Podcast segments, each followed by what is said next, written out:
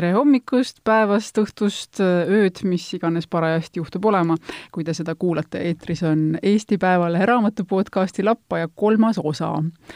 mina olen Keiu Virro ja täna on eetris, see tuli see mõte öelda klišeelikult, säravad teemad ja võib-olla veel kõmulisemalt säravad inimesed. sellepärast ütlen nii, et tegemist on teemaga nagu Loomingu Raamatukogu kuldsari.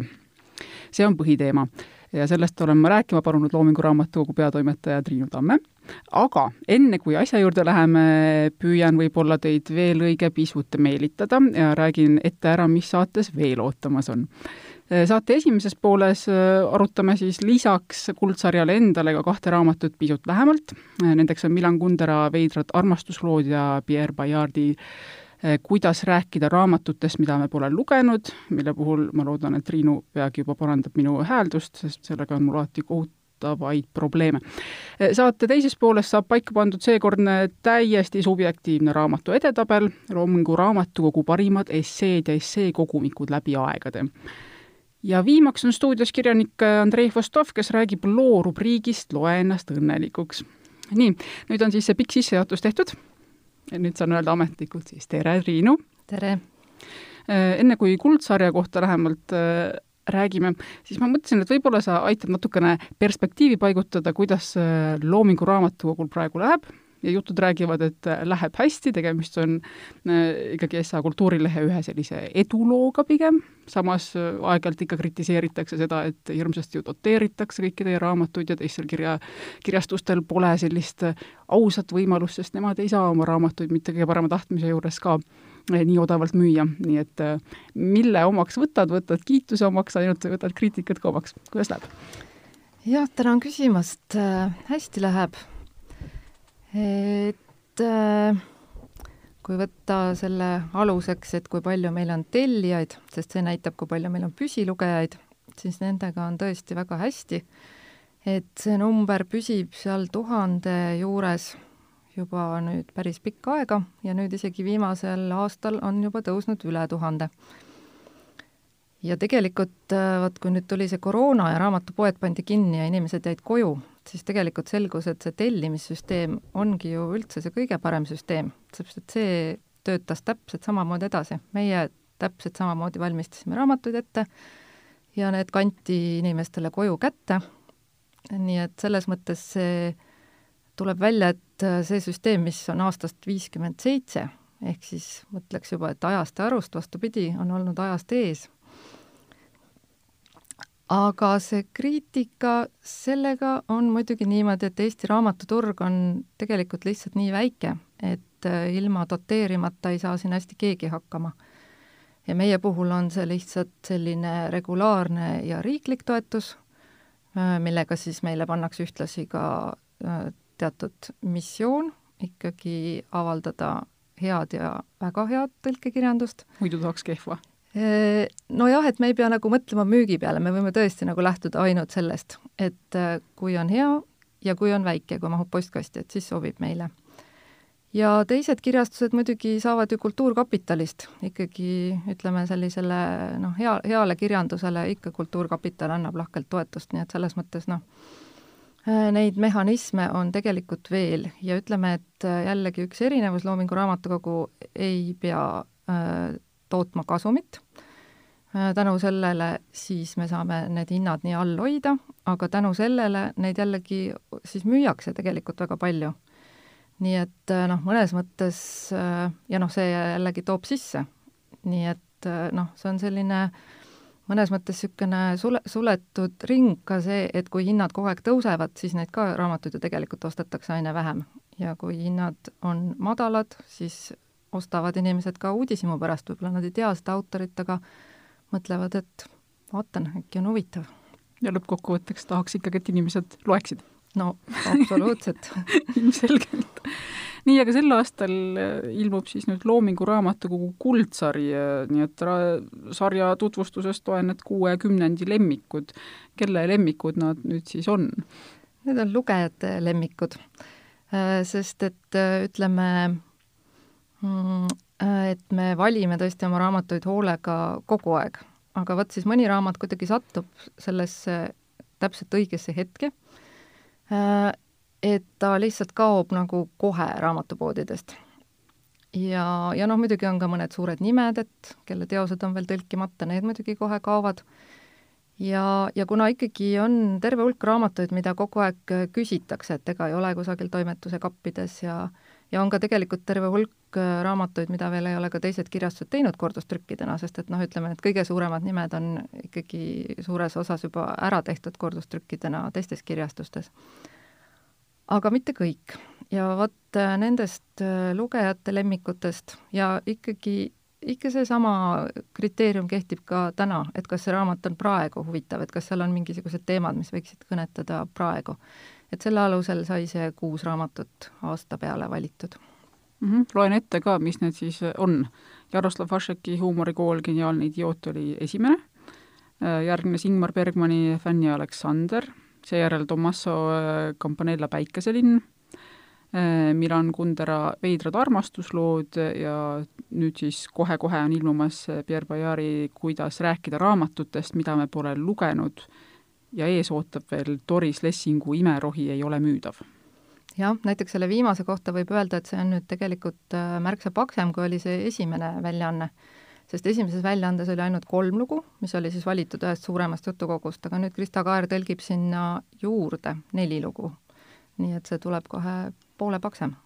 Aga kas nende teiste puhul on ka mingisuguseid äh, muudatusi ja, ja kui, siis milles, kas on kõpitsetud, on tõlget, tõlked teadupärast ikkagi aeg-ajalt natukene kipuvad vananema või, või on muutusi võib-olla ees-järelsõnades vastavalt poliitilise olukorra või muu olukorra muutumisel, no siin on natukene poliitilisi tekste selles mõttes.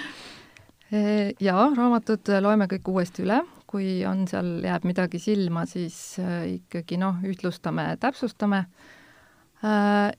Äh, aga näiteks tõepoolest, et äh, Campanella tõlkija Kristiina Rebane tahtis oma tõlke tõesti nagu uuesti üle vaadata ja tema tegi seal päris mitmeid muudatusi ja ka kirjutas näiteks saatesõna pikemaks.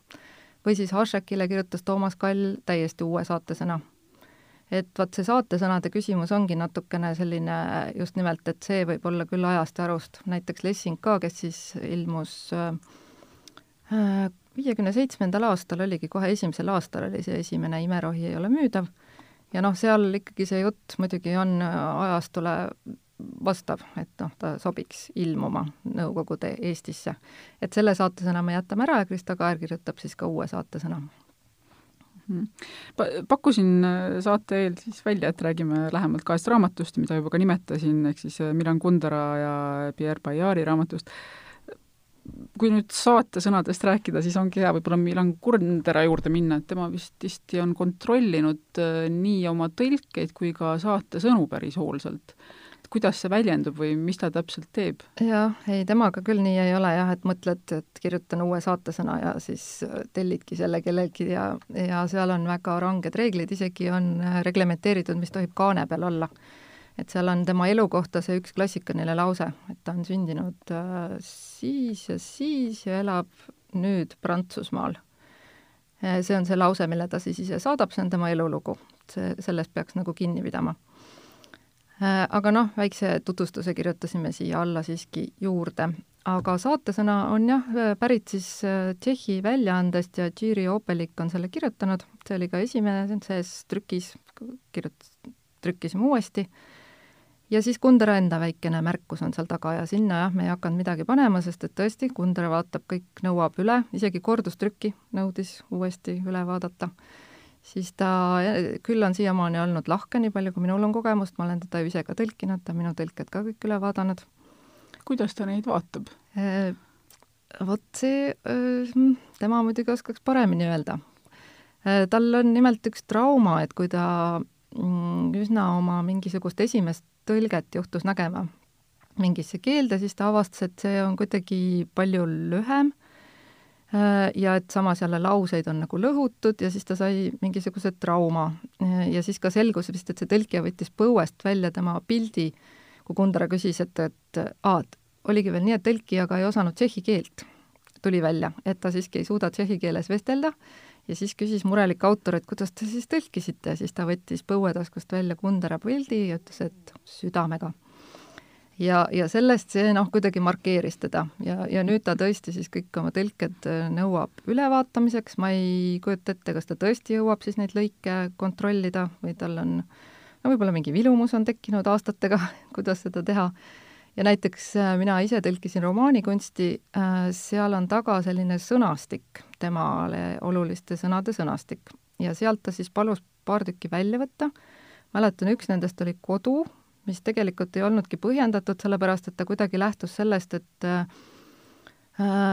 et tõepoolest prantsuse keeles ei ole nagu sellist asja nagu kodu, et see on kas nagu maja või et ma olen enda juures, kuidagi niimoodi nad ütlevad, aga et see mingisugune see selline see kodutunne ja see, mis meil on nagu selline mõiste, seda prantsuse keeles ei ole siis ta arvas, et vaevalt, et eesti keeleski.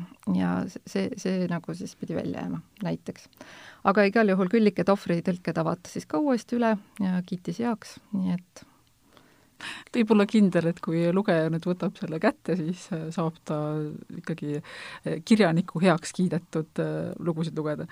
no üks see tõlke erinevus on võrreldes esialgse trükiga, oli varem naljakad armastuslood, nüüd on veidrad armastuslood, mis nende armastuslugudega vahepeal juhtus, et nad niimoodi tooni on muutnud?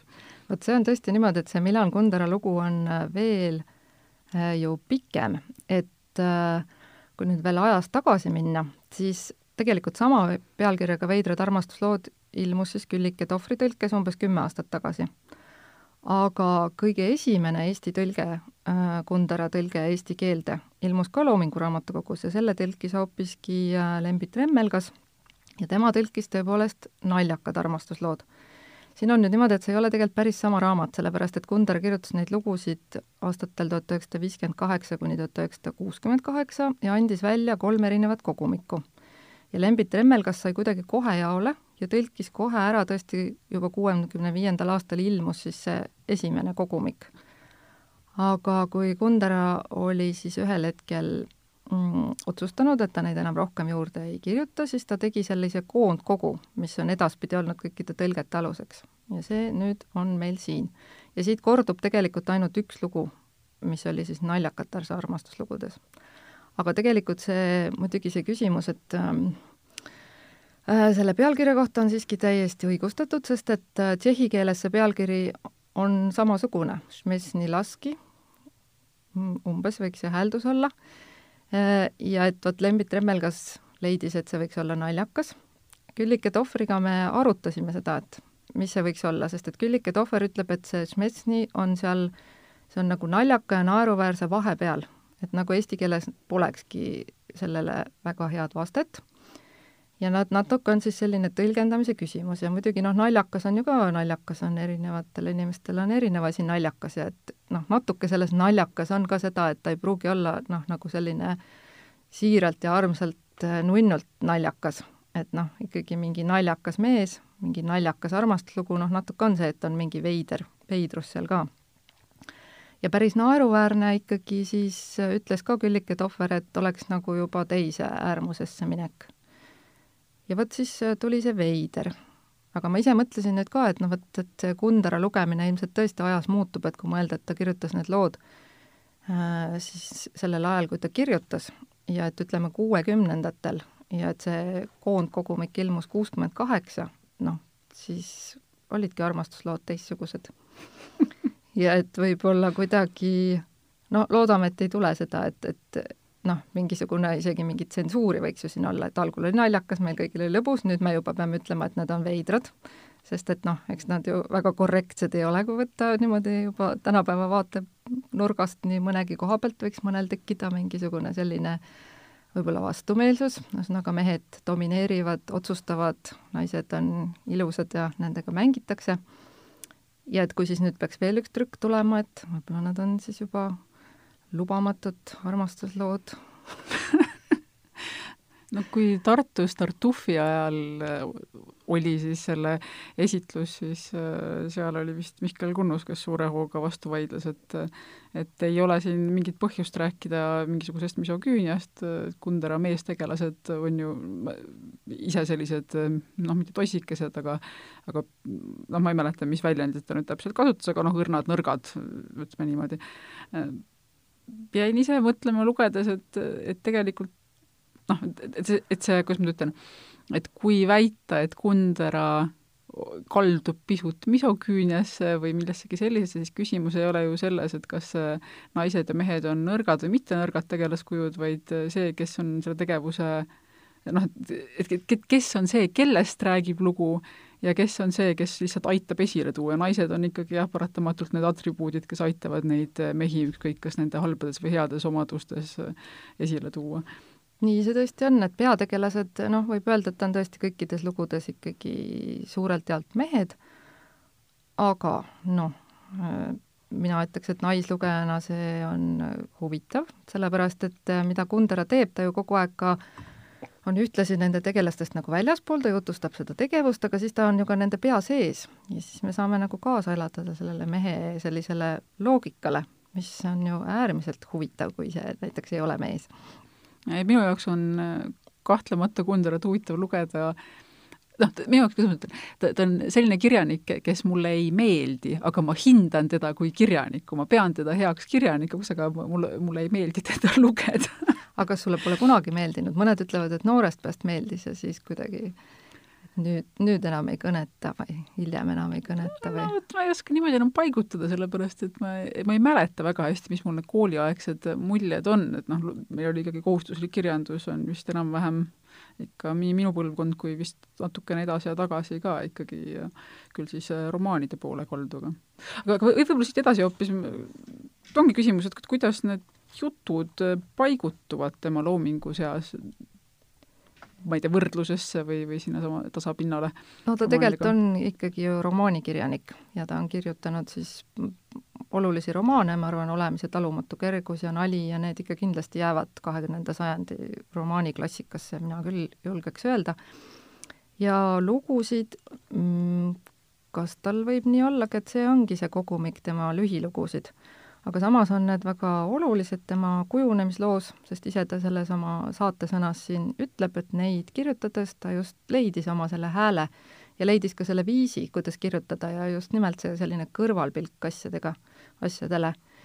ja vot siin, kui kõlas seal Tartu esitlusel ka see mõte, et et ta on nagu noorte inimeste kirjanik, siis mina just mõtlen, et ei tea, võib-olla väga noorte ikkagi ei ole ka, et noh, et, et kui ikkagi see võib-olla on äh, hea, kui noor on nagu kuidagi selles maailmas ihu ja hingega, et tal ei ole seda iroonilist kõrvalpilku, et noh, eks see tuleb võib-olla, aga et, et noh, ühesõnaga võib-olla kui väga varases eas Kunderat loed, et noh, eks ta neid illusioone ju tõmbab nagu alla järjest. niisugust romantilist armastust ei leia siit kusagilt. no tal endal on omakorda noorusesse ja vanadusse selline huvitav suhe, et see vanaduse, nooruse piir läheb üsna konkreetsest kohast vist, kuskil seal kolmekümnendate keskelt või? selle ta on sinna paika pannud jah, no vot ma ei teagi, kas ta nüüd peaks korrektuure ka tegema, et ühesõnaga nüüd, et vanusepiirid kuidagi on nihkunud, vot see on jah huvitav, ma olen ka tõlkinud tema tegelikult kõige viimase romaani, mis oli Tühisuse pidu, mis on niisugune pisikene raamat, mis on praegu jäänudki ikka veel tema viimaseks ja seal tal ka juba noh, mina tundsin ka, et kogu see nooruse ja vanaduse ja see, et kuidagi, et ta on nagu kuskil mingisuguses teises ajas, sest et noh, tema keerutas kogu selle tegevuse näiteks nabapluusi ümber, et selles nabapluusis väljendub siis kogu see tänapäeva tühisus. aga see nabapluus minu meelest kadus meie tänavapildilt juba päris ammu, et ütleme, see romaan siiski on noh, mõned aastad tagasi kirjutatud, et noh, see, et, et ma ei tea, võib-olla ta ei käi enam palju kodust väljas kuidas tema kuuluvusega rahvuse poolest on tšehhide ja, ja prantslaste seos, et ühtpidi äh, noh, ta ise on ikkagi väga mitukümmend aastat tagasi juba kolinud Prantsusmaale, aga ma saan aru, et tšehhidel on ikkagi väga kahetine suhe temasse, millest on mõnevõrra nüüd ka Eesti meedias kirjutatud, aga ma ei tea, kas seda saab kuidagi kokku võtta, on seal mingisugust lõplikku tõde üldse mõtet otsida või? Vot selle Tšehhi äh, vaatenurga koha pealt mina muidugi ei olegi üldse kõige õigem inimene, see lihtsalt äh, on mind ka täitnud mingisuguse hämminguga, et äh, mis kana neil siis ikkagi kitkuda on või miks nad kuidagi nii pahased tema peale on. et Prantsuse poole pealt on ta suur ja austatud kirjanik, et prantslased hea meelega on ta pannud sinna riiulisse, et prantsuse kirjanik ja see oli vist siis Francois Mitterrand, ma arvan, kaheksakümne esimesel aastal, kes talle nagu isiklikult andis ka Prantsuse kodakondsuse. aga noh, ausalt öeldes oli ka kummaline see, et tegelikult kaks aastat varem olid siis tšehhid, noh, Tšehhi kodakondsuse ära võtnud. nii et noh, need need suhted olid ikkagi juba pingelised nagu kohe, et ta seitsmekümne viiendal aastal emigreerus ja siis mõned aastad hiljem mm, Tšehhi riik otsustas, et ta jätab ilma Kundera, noh. Muidugi see oli selline ärahüppamine tookord, eks ole, ja aga et mis seal kõik taga on ja ja aga ma kardan, et see kõik on ka ikkagi palju keerukam, sest et noh, need, kes on Nõukogude ajal elanud, see noh, et on mingisugune, keegi ütleb, et sa olid koputaja ja on mingi dokument, kas see dokument on ehtne, ma, ma ei tea, ma ei, tegelikult ei oska kommenteerida. et inimesi ka lavastati süüdi ja et äh, et selge on see, et midagi selget ei ole. jah. Jäi silma, vaatasin, Janar Ala arvustas äh, äh, Kunderat ja ütles vaese mehe Proust. Proust, Proust, issand, jälle jäin kohe mõtlema, kuidas ma pean õigesti hääldama. Proust, Proust. Äh, kas olla sellega nõus, mitte olla sellega nõus? no, miks, miks nii nimetatakse? mul on muidugi väga hea meel, et Proust on nagu siis nüüd see Marcel Proust on nüüd see nagu see tipp et äh, kahtlemata Marcel Proust ongi täiesti suurepärane kirjanik. ma jäin ka selle võrdluse üle mõtlema, ma ise nagu ei oleks neid kuidagi äh, niimoodi võrdlusesse pannud et kuigi noh, ütleme selline seltsi, seltsielu ja tundeelu muidugi on Prusti romaanides ka, aga minu meelest temal on üks teine ambitsioon, tema ikkagi kuidagi jäädvustab mingisugust suurt maailma. Katedraaliks, on seda tema romaani nimetatud. no Kundera on sealt ikkagi juba järgmise ajastu kirjanik, tema enam, tal ei ole nii suurt ja kõikehõlmavat ambitsiooni, temal on ikka juba iroonia ja mäng. Ja siis muidugi Janar Ala soovitab lugeda, et lugege parem Prusti, siis sellega muidugi mm, et äh, siis peab väga hästi prantsuse keelt oskama, et seda tõlgitud on ju ainult üks raamat tervikuna. Ja praegu küll töös on ka üks teine osa, siis tuleb Anti Saare tõlkes. Mm, tervikuna ja kuuldavasti tegelikult on ka kõige esimene osa töös. aga noh, et, et mis keeles seda siis ikkagi lugeda, on see praegu hetkel meie ees, see küsimus. Nii, aga võib-olla saab nüüd Kundra rahule jätta ja minna edasi siis peagi ilmuva, taasilmuva Pierre Bayari juurde. kuidas rääkida raamatutest, mida me pole lugenud. Vaatasin alustuseks ühe tsitaadi, mis ma ei tea, kas nüüd enam või vähem vägivaldselt aitab ehk silda luua vähemasti armastuse teemal Äh, tsiteerin, samad raamatud või vähemalt samad lugemised, mis muide tähendab ka samu mittelugemisi, on armastaja paari hea läbisaamise üheks tingimuseks. siit ka vajadus vastata juba suhte algusest saadik oma armsama ootustele ning anda talle märku meie sisemiste raamatukogude lähedusest. kaunis, kaunis. Äh, ilmselgelt äh, provotseerib ta kõvasti aga, aga nüüd võib-olla, miks ta siis provotseerib? Bayard liigitab raamatut tundmatuteks teosteks, lehitsetud teosteks, unustatud teosteks ja kuuldud teosteks. Äh, liigitus äh, loetud teosed, sellist pole olemas. Hmm. mida me nüüd sellest siis järeldada võiks, et ta, et ta sellised otsused on vastu võtnud? no võib ka öelda, et Pierre Bayard on praktik, tema on ülikoolis kirjandusõppejõud ja see kõik on kuidagi tema oma elust äh, välja kasvanud see tõdemus, et äh, võib-olla ikkagi tõepoolest, et mida see tähendab, et me oleme lugenud ühte raamatut, aga see kõik ei ole kuidagi nii üheselt äh, ju selge. ja siis ta just nimelt äh, kuidagi jaotabki neid raamatuid, mida me siis oleme lehitsenud või mida me oleme kuulnud, või tõepoolest ikkagi see unustamise moment, et et kui sa oled ka seda raamatut kunagi lugenud, aga sa tegelikult oled selle unustanud, et äh, miks see on kuidagi parem sellest raamatust, mida sa ei ole tegelikult lugenud, aga mille kohta sa oled võib-olla väga palju kuulnud, et äh, ta kuidagi lisab neid nüansse. ja siis muidugi natukene on siin taga ka, selle toob äh, Tanel Lepsoo seal oma saatesõnas ka välja, tõlkija, et äh, see prantsuse ja eesti konteksti erinevus pisut, et ütleme, Prantsusmaal kuidagi see on ilmselt ikkagi veel palju püham, et kuidas ühest autorist rääkida, kuidas teda käsitleda, et seal on ikkagi kuidagi see eksimise moment on nagu selline raskem. ja Eestis noh, see on ja ei ole, mulle nagu tundub, et seda tegelikult on isegi nagu vähemaks jäänud, et noh, sellist ka kohustuslik kirjandus ju tegelikult ongi juba nagu soovitatav kirjandus ja, ja nagunii seda koolis juba õpetatakse vähem ja ja ikka kuulatakse vist juba rohkem ka neid igasuguseid arvamusi, aga mingisugune selline mingit sorti häbi, mis on siis tema nagu põhieesmärk, et me vabaneksime sellest häbist, et me nagu rõõmu ja lustiga räägiksime raamatutest ja me ei, kuidagi ei laseks ennast kammitseda sellest, et äh, mingist hirmust, et äkki ma ei mäleta või äkki ma ei tea õiget vastust. et äh, noh, see noh, võib-olla ikka on, tegelikult Eestis läheb asja ette ka. rääkimata sellest, et minu meelest see on lihtsalt nagu lõbus raamat, sellepärast et need olukorrad, mis ta siin välja toob, no need on ikkagi pakuvad äratundmisrõõmu, sest et äh, ta toob siiski välja need olukorrad, et kus siis on see, et me korraga oleme sellise fakti ees, et me peame rääkima mingist raamatust, mm, mida me ei ole lugenud, et seltskonnas näiteks, eks ole, võib ju, võib ju niimoodi olla, et korraga äkki.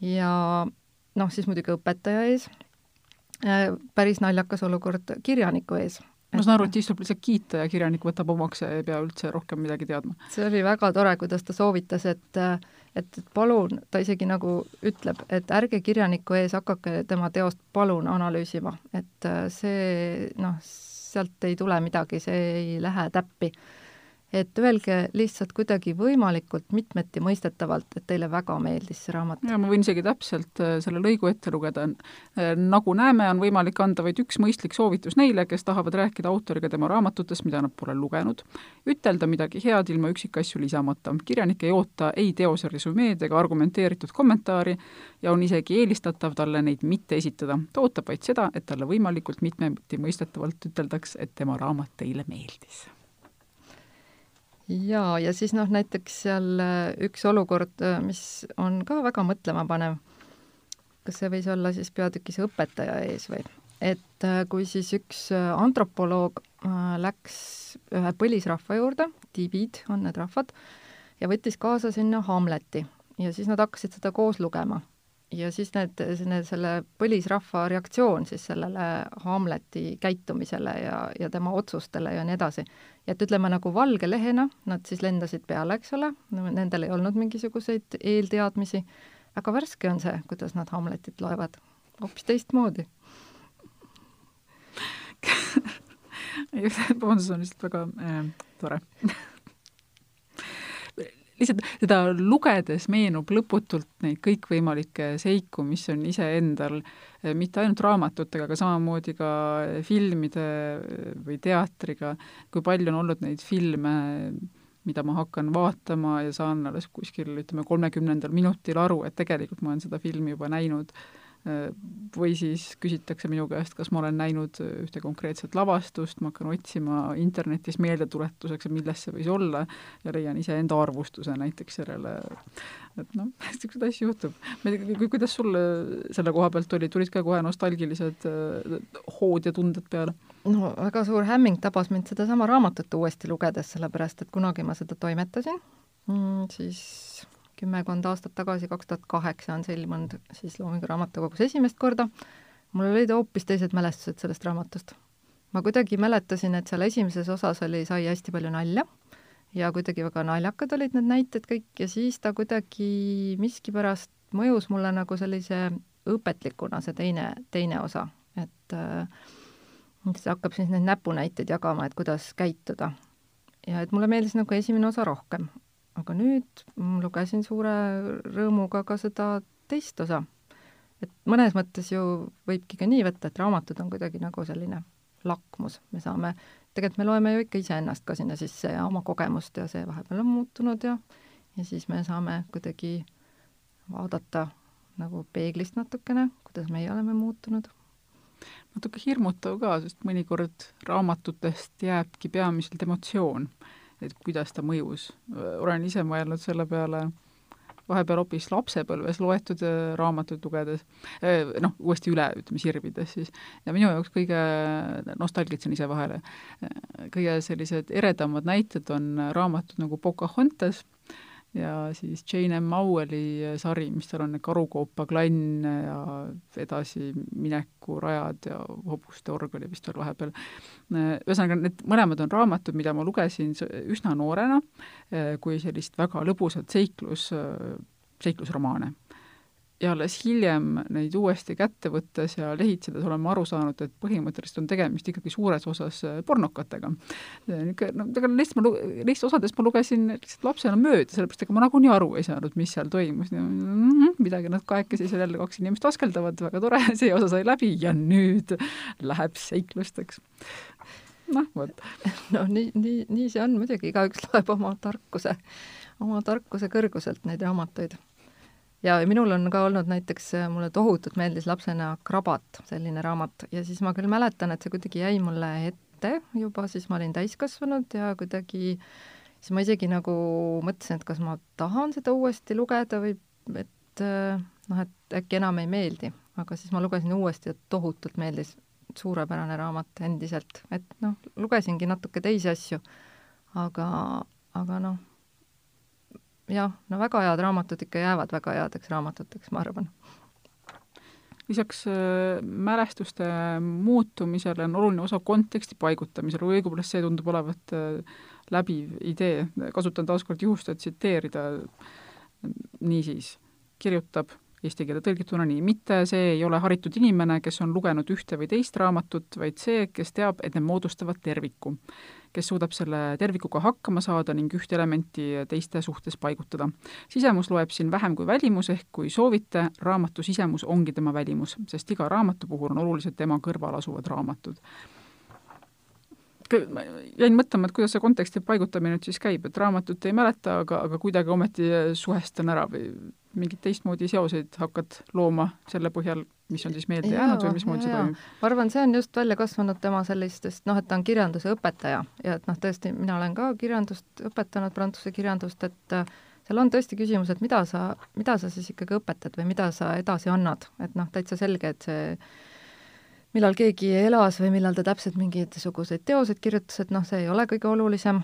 Ja siis on muidugi ka seal, kuhu suunas äh, ka võib-olla meil jõudsalt see asi liigub või mulle tundus, et noh, et õpilastega ma õpetasin siis gümnaasiumis, et et just see tema isikliku seose loomine, et see on hästi tähtis, et ta ei võta kuidagi enesestmõistetavalt, et et Proust oli, siis ma pean seda lugema, et tal peaks tekkima kuidagi mingi oma seos sellega ja see on kindlasti oluline, aga, aga mina olen ka täitsa nõus, et see ikkagi ainult see ka ei ole, et noh, et, et raamatud kui nagu teraapia või, või et noh, et, et ma loengi nagu ainult iseennast sinna sisse.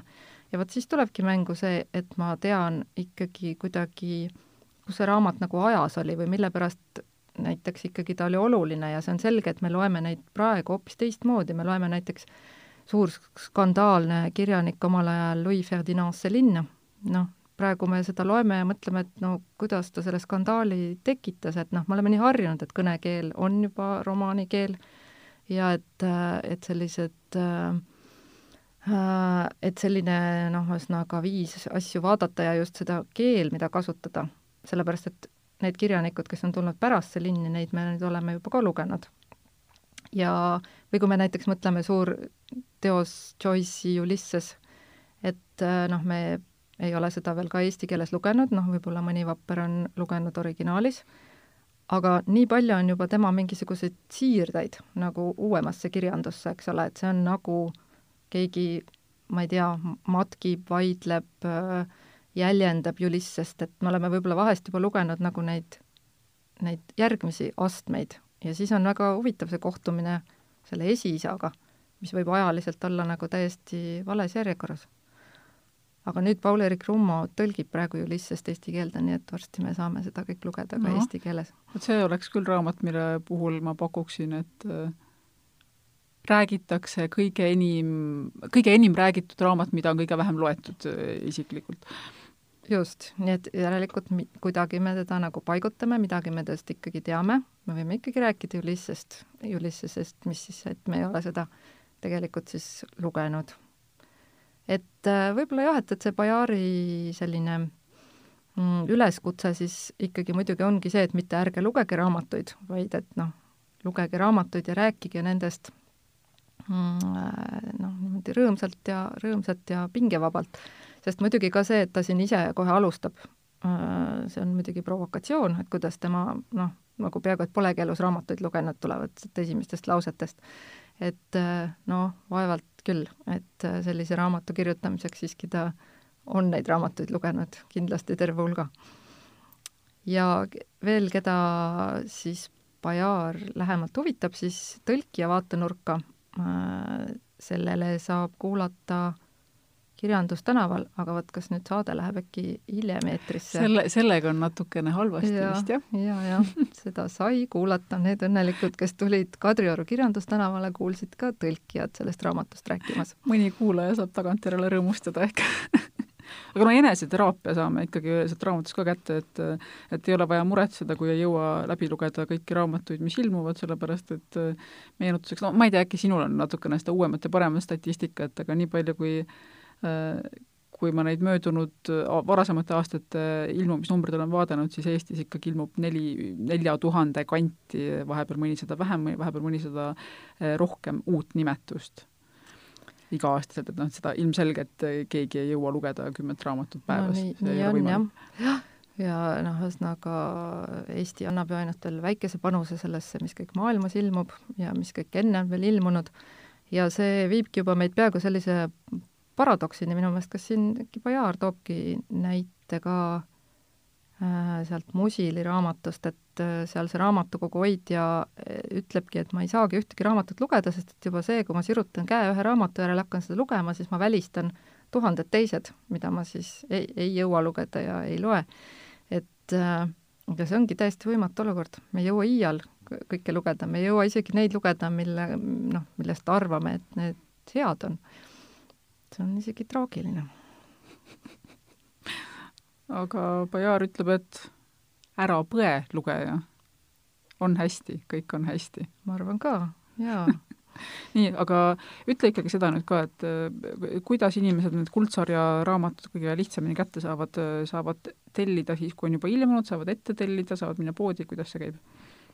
ette tellimine äh, on võimalik aga nüüd, eks ole, see aasta juba hakkab läbi saama, nii et varsti tuleb uue aasta ettetellimine. see peaks oktoobrist lahti minema, oktoobrist veebruarini on ettetellimine. ja see on muidugi ju märksa soodsama hinnaga, kui siis, et osta neid üksikult pärast poest. aga pärast üksikult poest saab ka.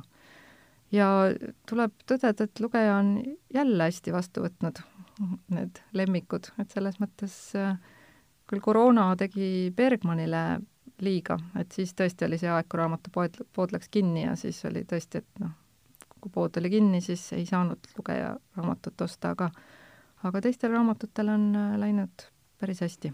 kui suurtes tiraažides nad tulevad praegu? Äh, no isegi ettetellijaid oli juba seal kusagil nelisada viiskümmend ja, ja müük on, vot ma nüüd ikkagi päris täpselt ei oska öelda, no sama palju kindlasti aga Hašekit näiteks ka rohkem, et Hašek tundub tõesti, et see, seda oodati, võib-olla see eelmine trükk on ikkagi nii kaugele juba jäänud, et seda ikkagi paljudel pole, et et see, seda läks küll, äkki oli lausa tuhat müüdud peaaegu juba. Kui sa korra paned konteksti, siis mis see tähendab Eesti raamatumüügi või Eesti ra-, tiraažide puhul? no üldiselt äh, tõlk, tõlkekirjandus äh, noh, vot siin nüüd mõne teise kirjastuse peatoimetaja teaks paremini rääkida, mina siis olen kuulnud, et noh, eks, et viissada on juba hästi. ja et kipuvad juba ikkagi sealt allapoole jääma need müüginumbrid. ja siis tekibki ühel hetkel see, et noh, et ei tasugi enam raamatut välja anda, sellepärast et ei tule ots otsaga kokku. aga noh, alla tuhande ta ikkagi äh, jääb, et üle tuhande on juba üksikud Äh, sellised noh, OLBEC kindlasti läheb juba üle tuhande ka, aga noh, neid on tõesti nagu vähe, et võib-olla kuskil seal neli, viis, kuussada on see keskmine mm. -hmm. nii, aga ma arvan, et võib-olla sellega jätame kuldsarja rahule ja kuulajal loodetavasti on tekkinud veel tungivam isu vaadata üle, mis seal siis ilmunud ja ilmumas on. ja ehk me midagi endale ka soetada, ma tean, et mina tahan kindlasti just nimelt äh, sedasamast, kuidas rääkida raamatutest, sest mina olen pidanud seda ikkagi laenutama, see algne trükk oli ammu läbi müüdud, siis kui mina enda jaoks selle avastasin. aga nüüd on selline lugu. Ehm, panen äh, vaikselt meie selle kohvikumuusika kõlli korraks vahele ja pärast siis seda äh, suurepärast paarikümnesekundilist pausi on aeg tänaseks edetabeliks. olen siin pannud erinevate kolleegide, kultuuriajakirjanike, kirjanike abiga kokku listi, mis on ühtaegu pretensioonikas ja samal ajal muidugi ei pretendeeri mitte millelegi, sellepärast et tegemist on täiesti subjektiivse listiga, nii et ma loodan väga, et meie kuulaja mõtleb siin kaasa ja võib-olla saadab meile hiljem ka meilitsi soovitusi, täiendusi, vaidleb vastu, ütleb, et täiesti rumalad asjad on kirja saanud, kõik on väga teretulnud. aadress on raamatud at delfi punkt ee aga Triinu, ma palun sulle veel natukeseks ajaks stuudiosse jääda lihtsalt selle lootusega, et võib-olla eh, saad sina juba olla see esimene inimene, kes siis vahepeal eh, hüüab vahele, et jaa, see on kõige parem kogumik, eh, mis on eales, või siis, et ei, mitte mingil juhul. nii, aga läheb lahti.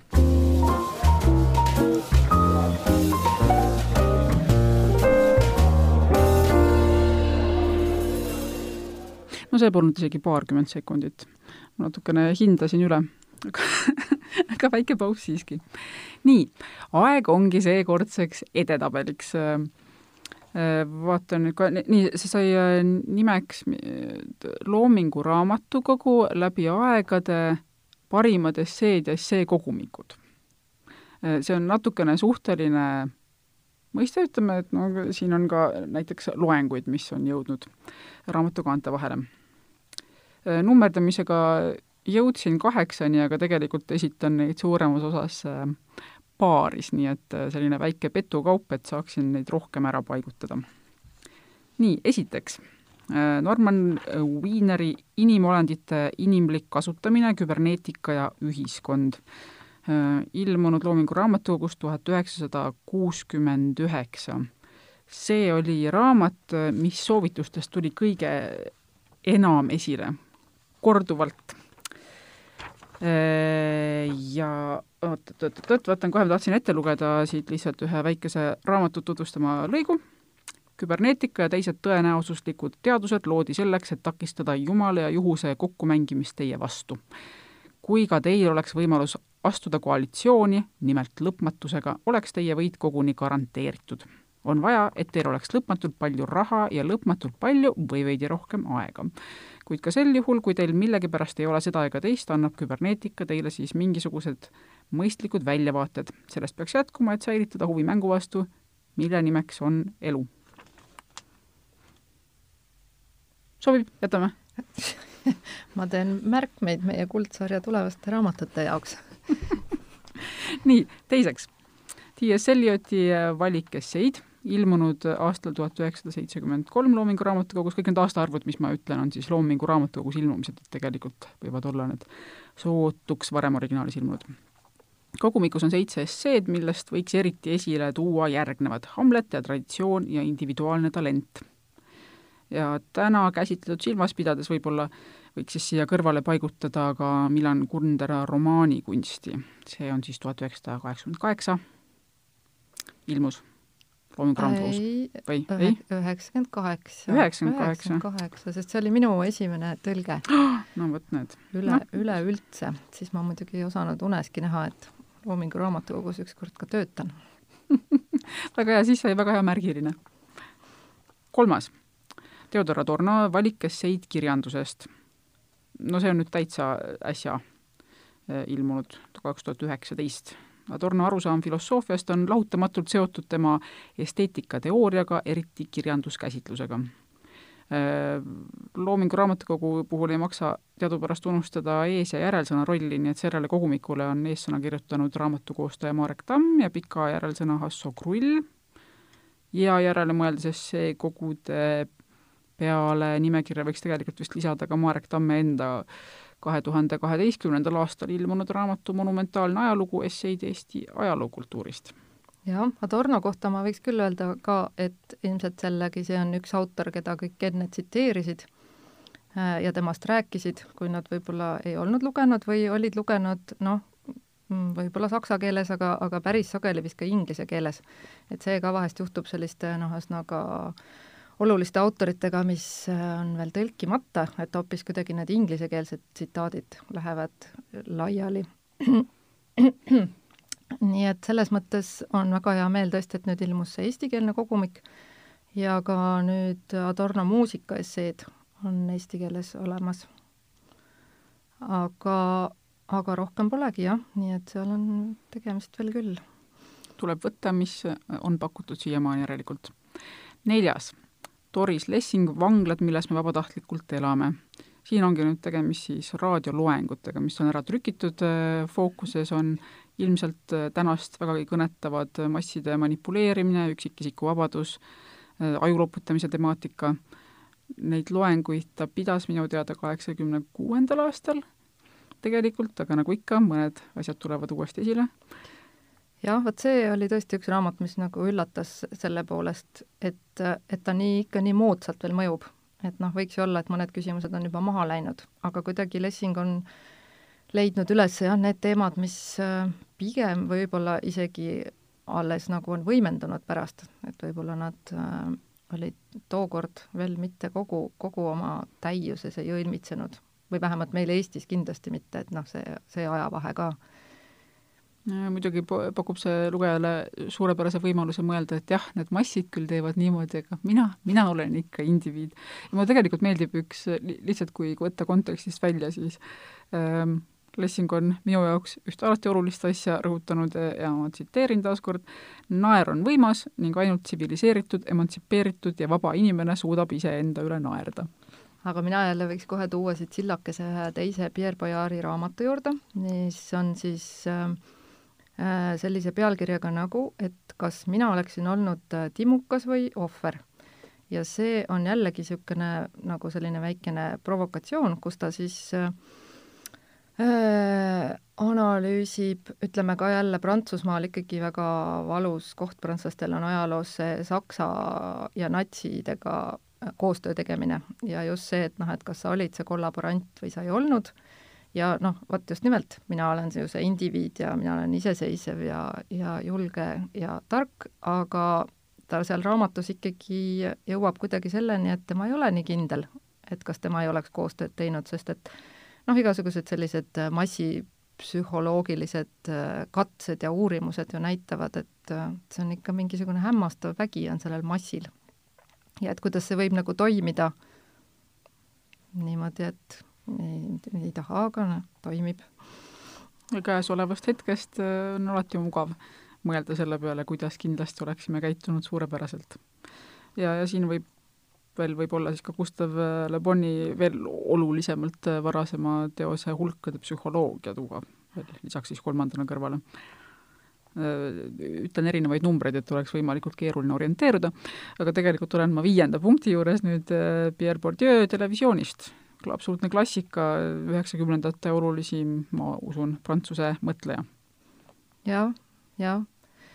ja no jah, üheksakümne viiendal aastal oli ka veel see, et kuidagi teised kirjastused eriti ei avaldanud, et nüüd Bourdieu'd on ju, kui ma nüüd ei eksi, hiljem ka teised välja andnud, aga et siis tundus, et see Loomingu Raamatukogusse sobib suurepäraselt. kuigi televisioonist, ei ole kirjandusest nii, nüüd kuues, teatraalidele, kaks nimetust taas kord korraga. Äh, Antoni Arto, Arto äh, esseid ja kirju aastast tuhat üheksasada seitsekümmend viis ja Peter Brooki Tühi ruum, välja antud seitsekümmend kaks. Äh, kusjuures viimane, oli, käisin hiljuti teatriteaduste üliõpilaste looži suvekoolis, pidi olema kevadkool, aga teadagi, aga muutus suvekooliks ja, ja sealt äh, pruuki pärit liigitus mandunud teatriks, pühaks teatriks, rämedaks teatriks ja vahetuseks teatriks oli seal isegi viktoriini küsimusena, nii et äh, töötavad mõlemad ka jätkuvalt äh, oluliste tekstidena. nii on ja noh, teatriringkondades muidugi on ta kindlasti nii-öelda kohustuslik kirjandus endiselt, aga äh, on ka teatritudengitele siis hea uudis, et Linnateater tahab ka ise välja anda kordustrüki sellest raamatust, mis oleks väga teretulnud. sest et äh, olen ka kuulnud, need vaesed tudengid, kui jälle lugeda kästakse, siis nad meeleheitlikult ajavad taga ja kust neid kapsaid veel leiab, et eriti ei leia mm. -hmm. linnateatrile siis tuleb südamele panna, tegutsege, tegutsege hoolsalt. seitsmes, taas kaks ühes, natukene eestlaste poole vaade, eestluse poole isegi, Johannes Aaviku Rahvustunde nõrkusest Eestis, eri aastate kirjutisi ilmunud Loomingu Raamatukogus aastal tuhat üheksasada kaheksakümmend kaheksa, nüüd ma ei julge enam seda numbrit kaheksa öelda, äkki meil oli üheksa. Ja Karl Ernst von Bääri eestlaste endeemilistest haigustest äh, Loomingu raamatukogus ilmunud äh, tuhat üheksasada seitsekümmend kuus ja hiljem aastal kaks tuhat kaksteist ka. Ma ei teagi täpselt, mis kirjastuse poolt, aga igatahes ta on ilmunud veel. on jah, kordustükk on uuesti tehtud, no see on jah, ma arvan, see on niisugune lõputu huumori varasalv ja, ja see on siis Pääri, Pääri doktori väitekiri mida võiks muidugi pidada ka näiteks Valdur Mikita vastandiks, lihtsalt juhtumisi aastast tuhat kaheksasada neliteist, ma usun, ta vist oma seda e, esitas. Ähm, tegelikult Mikita on ise Päärile viidanud ka mm, lingvistilises metsas, äh, kus ta viitas sellele, kui Päär kirjutab eestlaste neljast pahest äh, Äh, nii et äh, rahvusromantikutele need pahed olid laiskus, kasimatus, liigne koogutamine ülemate ees ja ülemäärane julmus alamate vastu. ah jaa, me-, meditsiini umbusaldajatele on tal ka äh, väga toredaid viiteid või noh, kuidas ma nüüd ütlen, tänase päeva meditsiini umbusaldajad võiksid ennast ära tunda võib-olla mõnes tsitaadis nagu näiteks selle rahva seas leidub alati mõningaid, kes endale targa hüüdnime on võtnud ja teesklevad, et nad on omandanud ravimisoskuse mingi jubeda imeteo väel. näiteks suure madude puntra lahtiharutamise või millegi selle taolisega. väga sageli tarvitavad haiged piiritust, äädikat, väävelhapet, püssirohtu, elavhõbedat, juudasitta, tärbendiiniõli ja väävlit. Äh, ma tahaks rõhutada, et siit nimekirjast paar asja on tõepoolest äh, ka neil päevil kasutusel. oo, ja siis veel, ma ei tea, kas Euroopas on mõnda haritud maad, kus isegi veel tänapäeval meditsiinis nii palju rängalt kahjulikke eelarvamuslikke vaateid esineb, nagu neid Liivi ja Eestimaal täheldada võime. midagi pole uut siin päikese all ei ole jah, aga mulle tundub, et see on niisugune ter-, tervistav lugemine, et loomulikult ei, ei maksa ka pääri omakorda liiga tõsiselt võtta, aga, aga võib-olla on selline eh, külma vett, külma vett kapaga korraks äh, Äh, see, sellele teadmisele vahele, kui siin üritame mõelda muudkui, et eestlased on, ongi olnud äh, hirmus arukas ja romantiline rahvas, et ei, nagu kõikide inimeste seas on meil, meie seas ja meie ajaloos olnud ka igasuguseid inimesi, igasuguseid aegu. ei ole originaalne mõte, aga tasub meeles pidada. nii, viimane, kaheksas. Alain Besançon sajandi õnnetus kommunismist, natsismist ja holokausti ainulaadsusest, välja antud kaks tuhat üks sellepärast, et mis oleks üks nimekiri, kui poleks kommuniste ja natse seal. jah. kõnetab igal ajal. nojah, selline edetabel. nii et nüüd siis veel kord üleskutse kuulajale, täiendage, vaielge vastu, kiitke takka, pakkuge ideid järgmisteks äh, edetabeliteks, palun. tahaks teha sellist edetabelit, mis ei ole kõige toredamad raamatud, mis ilmusid eelmisel nädalal, vaid võib-olla mingeid natukene lõbusamaid teemasid. ja kõik ideed palun siis aadressile raamatud.delfi.ee, suure rõõmuga loeme neid nii, aga nüüd ma saangi öelda aitäh sulle, Triinu Tamm, Loomingu Raamatukogu peatoimetaja ja hetke pärast on stuudios külas juba Andrei Vostov, kes räägib loo raamatutest, mis on teinud teda väga rõõmsaks. aitäh kutsumast!